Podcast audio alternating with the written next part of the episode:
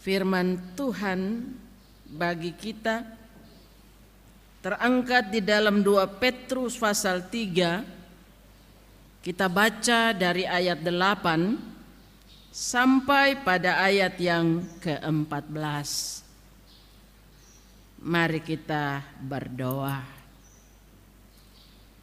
Bapa hari ini kami memasuki minggu Advent yang ketiga.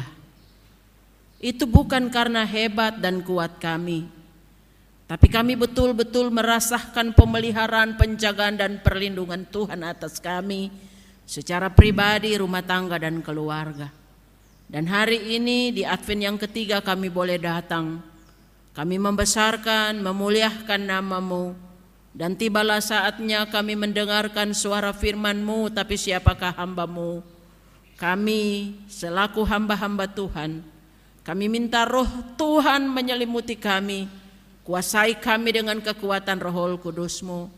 Begitu juga dengan kami semua hamba-hamba Tuhan, penatua Yamas, dan seluruh jemaat Tuhan yang boleh mengambil bagian untuk mendengarkan bagian firman Tuhan. Letakkanlah tanganmu atas kami dan curahkan kekuatan roh kudus itu atas kami. Supaya kemudian bagian firman Tuhan menjadi bagian dalam kehidupan kami. Dan kami tetap bersuka cita dan bersorak-sorak untuk mendengarkan bagian firman Tuhan. Di dalam nama Yesus kami sambut firman-Mu. Amin.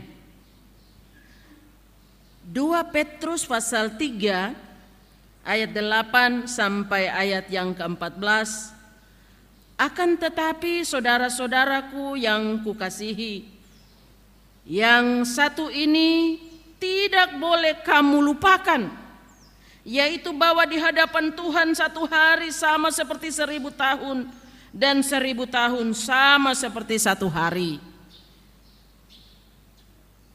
Tuhan tidak lalai menepati janjinya, sekalipun ada orang yang menganggapnya sebagai kelalaian tetapi ia sabar terhadap kamu karena ia menghendaki supaya jangan ada yang binasa melainkan supaya semua orang berbalik dan bertobat. Tetapi hari Tuhan akan tiba seperti pencuri.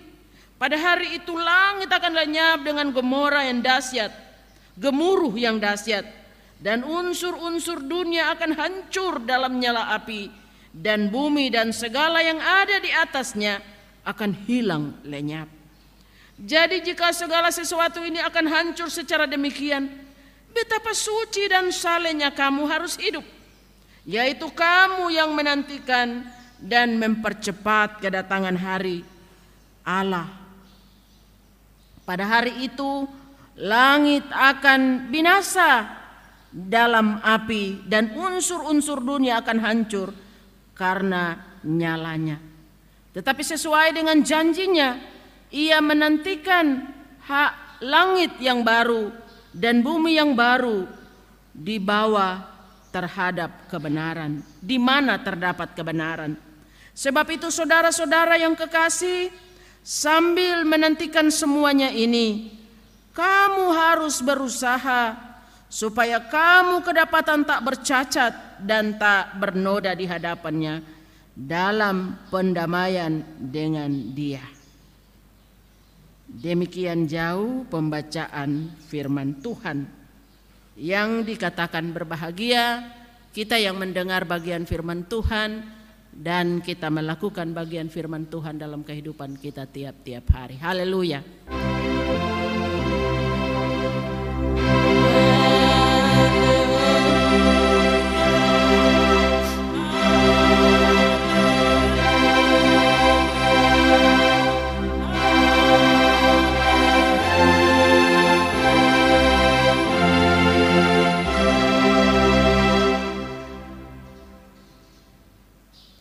Jemaat Tuhan yang diberkati Tuhan. Janji manusia itu tidak sama dengan janji dari Allah. Manusia kalau berjanji bisa saja dia ingkar, lupa, pura-pura lupa, janji untuk sesuatu hal. Misalnya kita ingin bertemu atau kita ingin menolong. Tetapi ketika kita telepon kembali, HP-nya sudah tidak aktif. Kadang demikian yang kita alami. Padahal kita sudah melakukan sebuah perjanjian yang baik. Tapi setelah kita telepon kembali, HP mati sama sekali. Diakui bahwa ada banyak orang yang selalu ingat janji. Misalnya janji untuk setia dalam sebuah pernikahan. Banyak yang tetap setia. Tapi juga ada banyak yang pura-pura setia. Jemaat yang diberkati Tuhan. Lain ketika Allah yang membuat sebuah janji. Dia selalu melakukan perjanjian itu indah pada waktunya. Kadangkala memang manusia merasa lama ketika Tuhan berjanji untuk mengeluarkan dia dari masalah dan persoalan tapi dia merasa lama persoalannya tantangannya belum berakhir belum dijawab.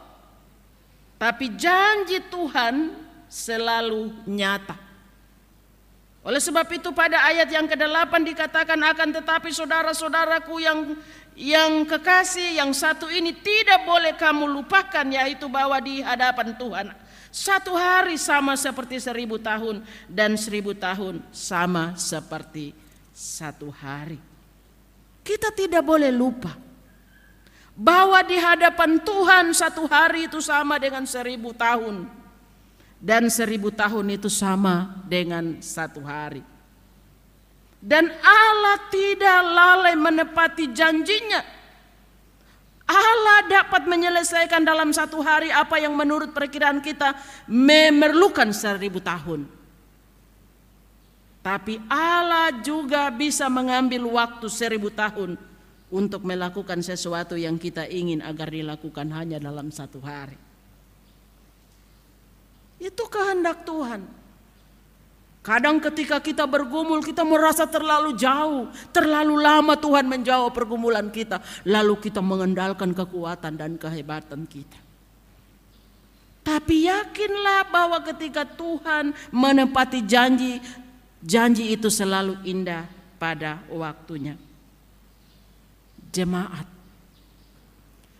Kita tidak bisa sangkali bahwa janji penyertaan kepada bangsa Israel, janji berkat kepada Abraham, Ishak dan Yakub, janji bahwa matahari tidak menyakiti mereka pada waktu siang dan bulan pada waktu malam. Janji bahwa Tuhan adalah penjaga Israel 24 jam, tidak pernah tertidur dan tidak pernah terlelap. Janji bahwa Tuhan akan memberkati, menjaga kita sampai akhir zaman, menyertai kita sampai akhir zaman. Janji bahwa Dia adalah Immanuel. Janji itu bukan saja berlaku pada bangsa Israel. Tapi janji itu kepada saudara-saudara dan saya yang percaya yang percaya kepada Allah. Allah Abraham, Allah Ishak dan Allah Yakub, Allah di dalam nama Yesus. Kadang Orang mengatakan bahwa kita ini bukan kaum Israel. Lalu kenapa kita pede bahwa Tuhan akan memberkati kita? Karena Tuhan datang itu kepada kaum Israel. Dia tidak datang kepada saudara-saudara dan saya yang di luar Israel. Tapi ingat ketika kita percaya kepada Allah, maka kita juga menjadi anak-anak Allah. Ketika kita percaya kepada Yesus Kristus, ketika kita melihat Yesus, maka kita sudah melihat Allah. Janji penyertaan Allah itu berlaku bagi Bapak Ibu Saudara-saudara dan saya oleh karena orang tua kita sudah mengikat perjanjian itu dengan Allah. Untuk tetap setia, untuk hidup takut akan Tuhan, untuk hidup dalam firman-Nya. Dan kalau hari ini Bapak Ibu, saudara-saudara dan saya diberkati Tuhan, itu karena orang tua telah melakukan perjanjian dengan Allah sebelumnya. Oleh karena orang tua sudah mengikat perjanjian setia kepada Allah. Kadangkala pada saat ini ketika kita menjadi orang tua, yang setia, menjadi orang tua yang takut akan Tuhan, kita juga merasa khawatir. Apakah kemudian hari anak-anak kita akan setia pada Tuhan?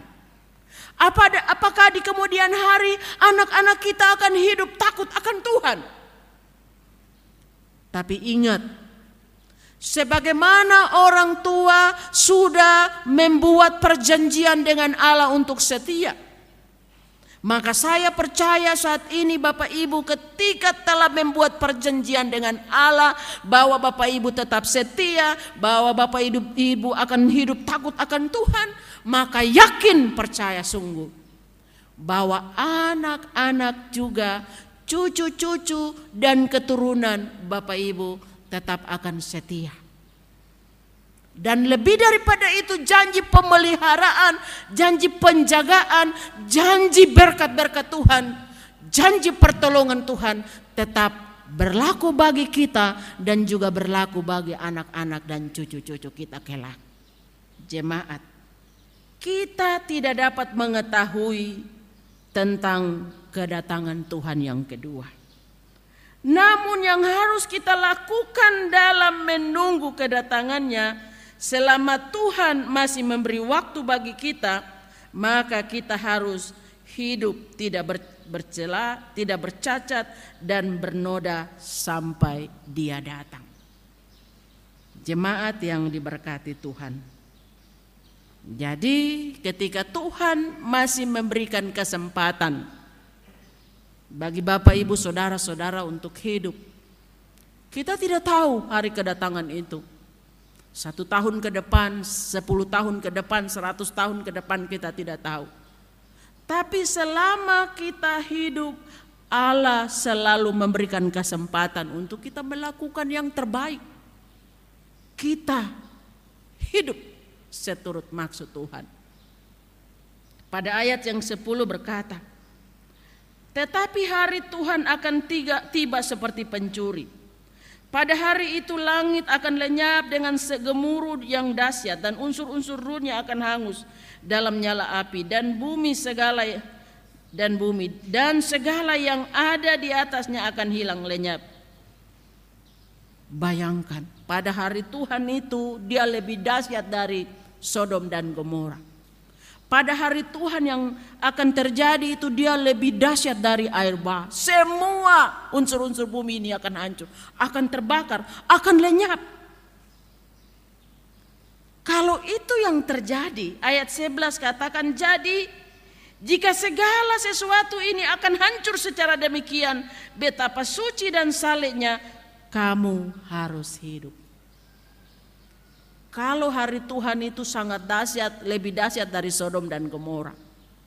Kalau kita mengetahui hari Tuhan itu lebih dahsyat dari air bah, maka saatnya kita harus hidup suci dan saleh. Kita selalu berusaha berjuang jemaat Tuhan kalau waktu itu begitu dahsyat, bagi anak-anak Tuhan kita ter, tidak perlu merasa takut dan khawatir. Kita tidak perlu takut dan khawatir akan kedatangan hari Tuhan itu. Sebagaimana nats kita berkata, apabila semuanya itu mulai terjadi, bangkitlah dan angkatlah mukamu sebab sebab penyelamatanmu sudah dekat. Jadi itu sebuah janji bagi kita. Kita tidak perlu takut, kita sudah tidak perlu khawatir. Justru kita rindu akan kedatangan Tuhan bagi kehidupan kita. Di sini ketika hari itu datang, bagian firman Tuhan berjanji, bangkitlah dan angkatlah mukamu sebab penyelamatanmu sudah dekat. Jemaat yang diberkati Tuhan. Pada hari-hari kedatangan Tuhan yang sudah dekat, biasanya pengajar-pengajar palsu, nabi-nabi palsu mulai bekerja keras untuk menyebarkan Injil-Injil palsu, berita-berita palsu tentang bagian firman Tuhan. Oleh sebab itu, supaya kita tidak tersesat dengan ajaran-ajaran palsu, minta Roh Kudus membimbing. Minta Roh Kudus menuntun. Minta Roh Kudus supaya kita tetap setia kepada iman Yesus Kristus. Kita tetap percaya sungguh-sungguh Kenapa kita tetap percaya sungguh-sungguh? Karena saya percaya Bapak Ibu sudah merasakan bahwa pemeliharaan, penjagaan dan perlindungan Tuhan begitu nyata. Jadi kita tidak perlu khawatir untuk bimbang ketika ada ajaran-ajaran palsu. Ini yang terjadi ketika Petrus menghadapi pelayanannya. Nabi-nabi palsu, ajaran-ajaran palsu, tapi Petrus memberikan keyakinan kepada jemaat-jemaatnya tidak usah takut, tidak usah khawatir. Percaya sungguh-sungguh kepada Tuhan. Minta roh, roh kudus bekerja. Dan terus mengambil bagian dalam firman Tuhan. Firman Tuhan ini terus kita gali karena ada begitu banyak rahasia yang tersimpan yang sebenarnya belum Bapak Ibu dan saya gali. Kadangkala orang lain justru menjadikan Alkitab ini senjata bagi kita. Jadi kalau kita sendiri tidak belajar, kalau kita sendiri tidak mengetahui maka mereka merasakan bahwa kita kalah. Ajaran kita tidak benar, padahal kita sendiri tidak tahu, kita sendiri tidak belajar, kita sendiri tidak minta roh Tuhan untuk memberi jalan, memberikan jalan keluar untuk memberikan argumentasi mempertahankan iman kita. Tuhan bilang dalam situasi-situasi sulit jangan takut karena Roh Kudus akan berkata-kata lewat mulut kita untuk orang lain mengerti tentang bagian firman Tuhan. Memang kita akui bahwa kadang-kadang kita hanya meng menggunakan akal kita tentang bagian firman Tuhan. Tapi Roh Kudus ini punya kekuatan hebat, luar biasa untuk memampukan kita. Yang mungkin sebelumnya kita tidak tahu. Ketika Roh Kudus bekerja, maka dengan sendirinya kita punya pikiran terbuka untuk dapat menjawab semua tantangan untuk meragukan bagian firman Tuhan. Bapak Ibu yang diberkati Tuhan.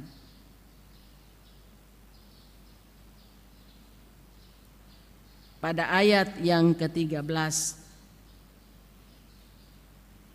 Tetapi sesuai dengan janjinya, kita menantikan langit yang baru dan bumi yang baru di mana terdapat kebenaran. Yakinlah bahwa hari Tuhan itu bisa terjadi secara pribadi. Hari Tuhan itu datang secara pribadi dalam kehidupan kita dengan mungkin kita mengalami kematian. Tapi hari Tuhan juga bisa terjadi secara universal, terjadi secara menyeluruh. Tapi ingat,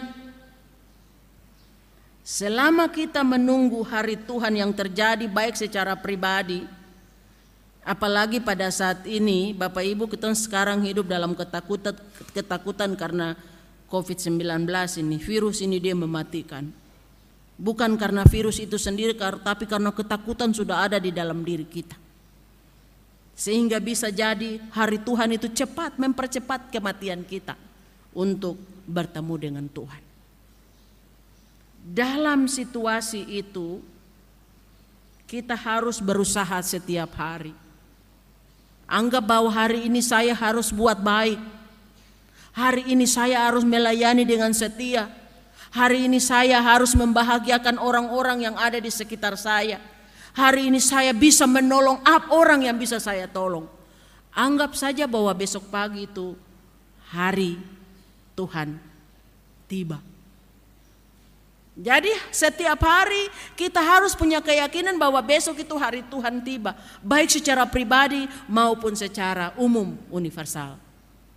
Dan kalau kita punya pandangan bahwa besok itu hari Tuhan, maka saya percaya bahwa semua orang akan melakukan yang terbaik bagi kemuliaan Tuhan, bagi orang-orang di sekitar, bagi orang-orang yang kita kasihi, kita bisa menolong mereka, kita bisa menjadi berkat. Karena hidup ini, bagian firman Tuhan ini katakan ini kesempatan jadi kalau hari Tuhan itu belum datang dalam kehidupan kita, bagian firman Tuhan berkata ini kesempatan untuk melakukan yang terbaik supaya jangan kita kedapatan tidak bercacat. Bercacat di hadapan Tuhan.